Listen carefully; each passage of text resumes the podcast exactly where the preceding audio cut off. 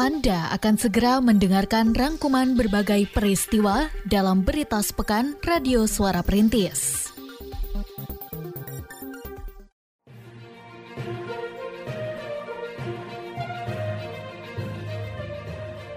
Berita sepekan Radio Suara Perintis FM Kota Sukabumi.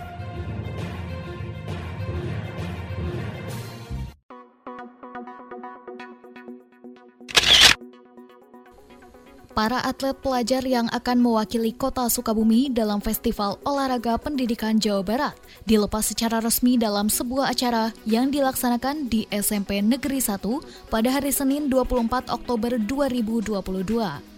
12 orang atlet yang terdiri dari enam orang atlet atletik dan enam orang atlet pencaksilat dilepas oleh Kepala Dinas Kepemudaan, Pariwisata, dan Olahraga di Sporapar Kota Sukabumi, Tejo Chondro Nugroho. Ketua Ikatan Guru Olahraga Nasional Igornas Kota Sukabumi, Yosef Firdaus, menerangkan bahwa para atlet yang diberangkatkan merupakan hasil seleksi yang dilakukan beberapa waktu lalu dan diikuti oleh para pelajar dari tingkat SD hingga SMA. Para atlet yang didampingi oleh sembilan orang guru dari masing-masing sekolah dan tujuh ofisial Igornas dijadwalkan bertanding pada 25 Oktober 2022 di Sport Jabar Arca Manik. Ia mengharapkan para atlet ke depannya akan terus dibina sebagai bagian dari regenerasi atlet dengan melibatkan pula KONI. Dalam pelepasan yang dihadiri pula oleh KONI, kantor cabang Dinas Pendidikan Wilayah 5, dan para kepala sekolah, Kepala Disporapar menyampaikan pesan kepada para atlet agar tidak meninggalkan ibadah selama berkompetisi dan tetap berperilaku santun dengan menjunjung tinggi sportivitas. Ia mengharapkan ke depannya para atlet yang dikirim mampu meraih prestasi lebih tinggi dan berkiprah di tingkat nasional. Alhamdulillah ya hari ini kita sudah melepas para atlet, para ofisial, para pendamping untuk akan melaksanakan uh, event Festival Olahraga Pendidikan Tingkat Jawa Barat. Alhamdulillah untuk Kota Sukabumi kita memberikan 6 atlet untuk cabang atletik dan 6 atlet untuk cabang pencak silat. Semoga atlet-atlet kita ini akan memperoleh prestasi yang luar biasa di kancah olahraga kali ini. Dan semoga para atlet kita ini akan menjadi bibit-bibit yang luar biasa ke depannya, baik di kancah nasional ataupun di kancah internasional. Badan Penanggulangan Bencana Daerah BPBD Kota Sukabumi menjalin kerjasama dengan Stukpa Lemdiklat Polri dalam pengurangan resiko bencana di lingkungan pendidikan kedinasan – Kerjasama dituangkan dalam kesepakatan yang ditandatangani oleh Kepala Stukpa Lemdiklat Polri, Brigjen Pol Mardias Kusin, dan Kepala Pelaksana BPBD Imran Wardani pada 24 Oktober 2022. Kepala Stukpa Lemdiklat Polri dalam sambutannya menjelaskan bahwa kesepakatan ini mempertegas kerjasama yang telah terjalin sebelumnya dan diharapkan mampu semakin memperkuat sinergitas kedua belah pihak dalam pelaksanaan program penanggulangan bencana. Sementara Kepala Seksi Pencegahan dan Kesiapsiagaan Bencana BPBD Kota Sukabumi Zulkarnain Barhami dalam keterangannya pada 25 Oktober 2022 menjelaskan bahwa kesepakatan yang ditandatangani di Golf House Tukpalem Diklat Polri bertujuan untuk meningkatkan efektivitas penanggulangan bencana dan memastikan peran semua pihak dalam penanganan bencana. Tujuan kita adalah untuk meningkatkan efektivitas penanggulangan bencana biar bisa dilakukan secara koordinasi, terencana dan terpadu, terutama di BPBD dan juga di Stupa, mulai dari pra bencana, saat dan pasca bencana. Jadi ada beberapa ruang lingkup yang memang harus kita lakukan, baik itu oleh Stupa ataupun oleh BPBD, terutama pada aspek sinergitas program dan kegiatan penanggulangan bencana yang ada yang dilakukan kepada seluruh personil dan seluruh warga yang ada di Setupa. Wali Kota Ahmad Fahmi bersama Kapolres AKBP SY Zainal Abidin serta Dandim 0607 Letkol Infantri Dedi Arianto melakukan sidak ke beberapa apotik sekaitan dengan keputusan Badan Pengawas Obat dan Makanan BPOM serta Kementerian Kesehatan tentang penarikan beberapa obat sirup dari peredaran karena ditengarai berhubungan dengan kasus gagal ginjal akut. Sidak tersebut dilaksanakan pada hari Senin 24 Oktober 2022. Wali kota dalam keterangannya pada kegiatan tersebut menyampaikan bahwa pihak pemerintah kota Sukabumi melalui Dinas Kesehatan telah melakukan beberapa tindakan untuk mengantisipasi munculnya kasus gagal ginjal akut seperti berkoordinasi dengan rumah sakit. Sementara Kapolres Sukabumi Kota menjelaskan bahwa sidak dilakukan untuk memastikan semua pihak terkait mematuhi keputusan BPOM dan Kementerian Kesehatan dengan tidak menjual obat sirup Sejauh ini, menurutnya keputusan tersebut telah dipenuhi. Pengecekan kami pada kali ini, maka kemudian didapati bahwa seluruh apotek yang ada di kota Sukabumi mematuhi surat edaran yang dikeluarkan baik dari pihak Kementerian Kesehatan maupun dari pihak BPOM, kemudian dilakukan pengawasan juga oleh pihak Dinkes Kota Sukabumi dan nanti semuanya akan berjalan kembali sesuai dengan pemberitahuan terbaru dari pihak Kementerian Kesehatan. Sampai dengan saat ini seluruh pihak yang kemudian dikomunikasikan oleh pihak Dinkes Kota Sukabumi berkomitmen untuk kemudian memberikan pelayanan terbaik terhadap masyarakat dalam hal kesehatan anak dengan tidak memberikan uh, obat sirup kepada anak untuk sementara waktu sampai ada surat edaran lebih lanjut. Kementerian Kesehatan dalam upaya mereka menekan kasus stunting di Indonesia menggelar gerakan nasional aksi bergizi yang melibatkan berbagai lembaga pendidikan di Indonesia. Pada 26 Oktober 2022, gerakan tersebut dilaksanakan di SMPN 15 dan SMAN 2 Kota Sukabumi dan melibatkan pula Dinas Kesehatan Jawa Barat. Perwakilan Dinas Kesehatan Jawa Barat, Yudi menjelaskan bahwa kegiatan yang juga bertujuan untuk mencegah kasus anemia di Indonesia dilaksanakan serentak di 54 sekolah se-Jawa Barat serta diikuti pula oleh ratusan sekolah lainnya melalui Zoom meeting.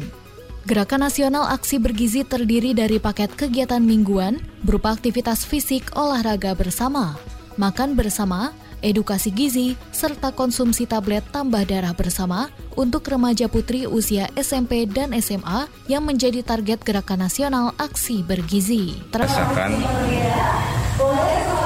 di lingkungan sekolah, baik SMP, SMA atau di lingkungan pesantren, untuk dibiasakan minum tablet tambah darah, itu akan mencegah resiko nanti apabila mereka di kemudian hari menikah dan mempunyai anak terhindar dari resiko nanti anak-anak mereka terpapar stunting.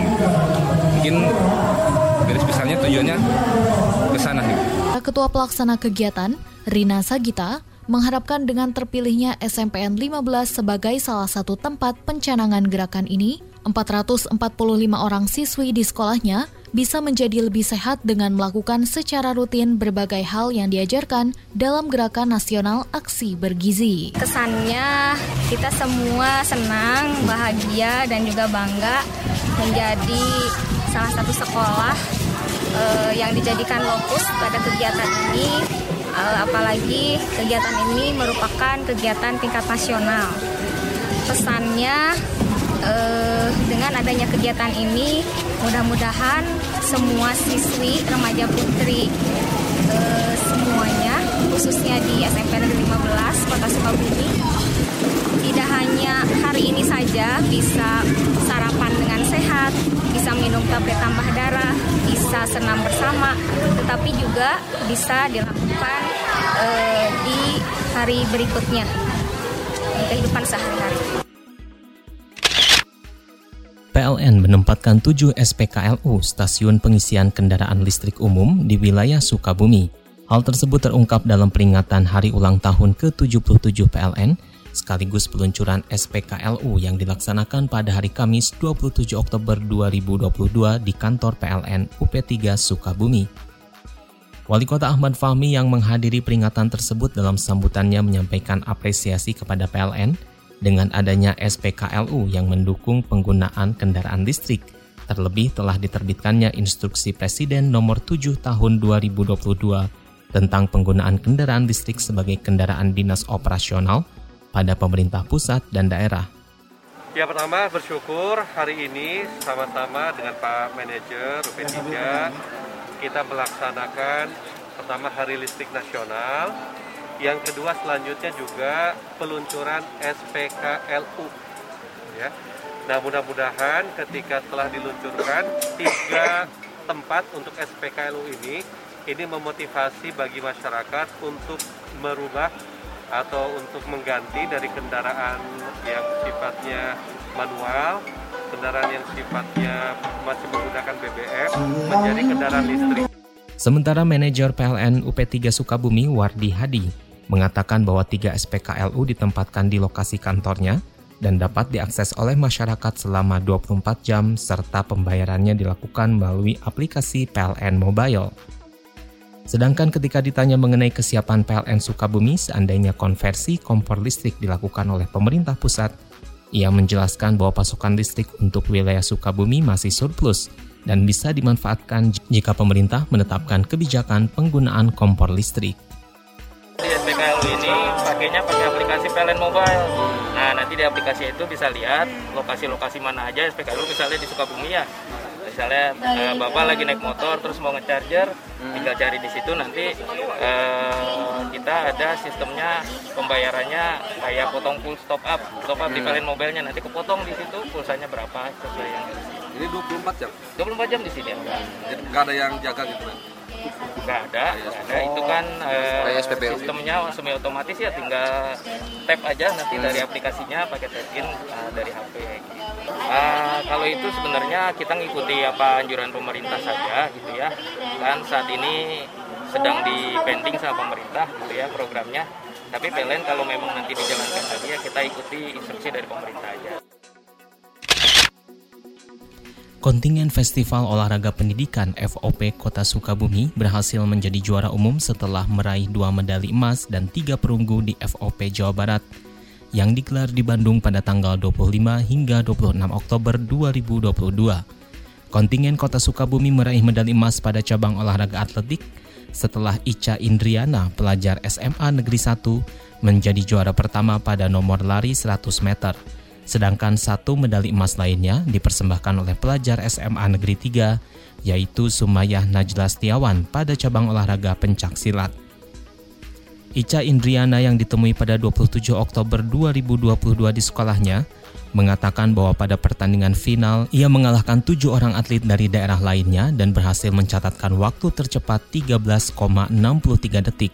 Ia juga menambahkan untuk menghadapi FOP tingkat nasional, persiapan akan segera dilakukan dengan target medali emas. Prestasi yang diraihnya mendapatkan apresiasi pula dari pihak sekolah dan seperti dijelaskan oleh pembina atletik SMA Negeri 1, Ima Lismawati, meski atletik merupakan ekstrakurikuler yang terhitung baru di sekolahnya, namun siswa-siswi yang mengikutinya memiliki motivasi dan daya juang tinggi. Untuk motivasi sebetulnya anak-anak sudah mempunyai motivasi sendiri. Jadi atletik ini kebetulan baru di tahun kedua sekarang itu. Betul-betul atletik ini adalah eh, eskul yang paling eh, bungsu di SMA 1 dan eh, atletik merupakan rintisan awal dan Ica merupakan salah satu siswi yang eh, ikut di mana sejarah atletik eh, di SMA 1 itu dilahirkan. Saya selalu tanamkan di atletik ini siswa-siswi bisa mengikuti mungkin ke depannya akan mengikuti eh, program eh, TNI, Polri atau Ikatan Dinas dan mungkin itu menjadi daya tarik sendiri untuk anak-anak di mana siswa-siswi SMA 1 ikut ke dalam atletik mungkin untuk mengejar eh, keinginan dan cita-cita mereka di masa depan. Sedangkan Ketua Ikatan Guru Olahraga Nasional Igornas Kota Sukabumi Yosef Firdaus yang ditemui pada kesempatan yang sama menyatakan bahwa ia merasa bangga dan bersyukur atas prestasi yang diraih kontingen Kota Sukabumi seraya berharap para atlet yang meraih medali untuk terus berlatih serta menjaga kondisi menjelang FOP tingkat nasional yang rencananya digelar pada bulan Januari 2023 di Jakarta International Stadium. Adapun atlet yang meraih medali perunggu pada FOP Jawa Barat adalah Radifa, pelajar SMP Negeri 10 pada nomor lari 80 meter dan Ratu Anindya dari SDN Dewi Sartika CBM pada nomor lari 60 meter. Sementara Khalifa Mugnia Feiza dari SDIT Azkia 3 meraih medali perunggu pada cabang olahraga pencak silat.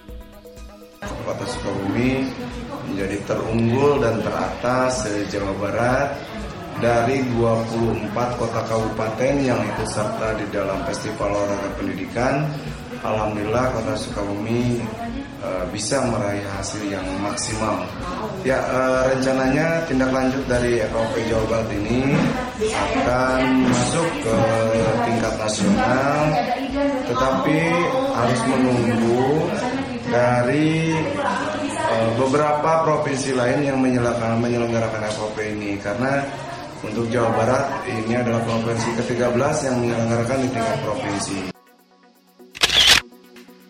Pada peringatan Hari Sumpah Pemuda ke-94 yang dilaksanakan di Balai Kota pada 28 Oktober 2022, pemerintah kota Sukabumi menyerahkan penghargaan kepada pemuda berprestasi, di antaranya Lucky Wardani, sutradara film Alang Aling yang memenangkan tiga kategori pada Kabisa Short Movie Competition tingkat Jawa Barat yang diselenggarakan oleh Dinas Kepemudaan, Olahraga, dan Pariwisata Kota Sukabumi pada bulan Agustus lalu.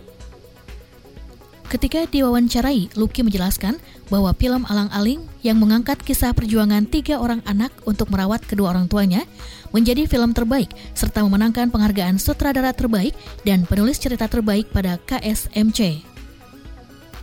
Ia mengharapkan karya terbaik lainnya bisa kembali tercipta di masa depan. KSMC merupakan ajang yang diharapkan menginspirasi seluruh elemen pemuda dan pemudi baik di tingkat kota Sukabumi maupun di Jawa Barat agar terus bergerak maju dan menjadi penyebar gerakan kebaikan di era digital. Alhamdulillah di sini kita dapat tiga penghargaan sekaligus uh, di kategori sutradara terbaik, di kategori film terbaik, dan satu lagi di uh, penulis cerita terbaik. Okay film ini mungkin tidak akan bisa diangkat lebih jauh lagi. Mungkin nanti akan kita akan berusaha untuk bikin film yang lebih bagus lagi untuk uh, tingkat yang lebih serius lagi, untuk tingkat yang lebih uh, luas lagi.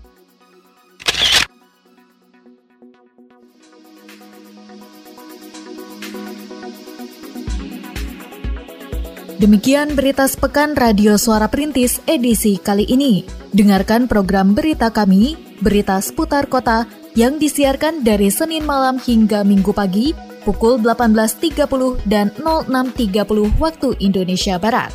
Dengarkan pula setiap Senin hingga Jumat, berita siang pukul 13.00, berita sore pukul 16.00, dan berita malam pukul 21.30 waktu Indonesia Barat. Terima kasih, sampai berjumpa di Berita Sepekan edisi selanjutnya.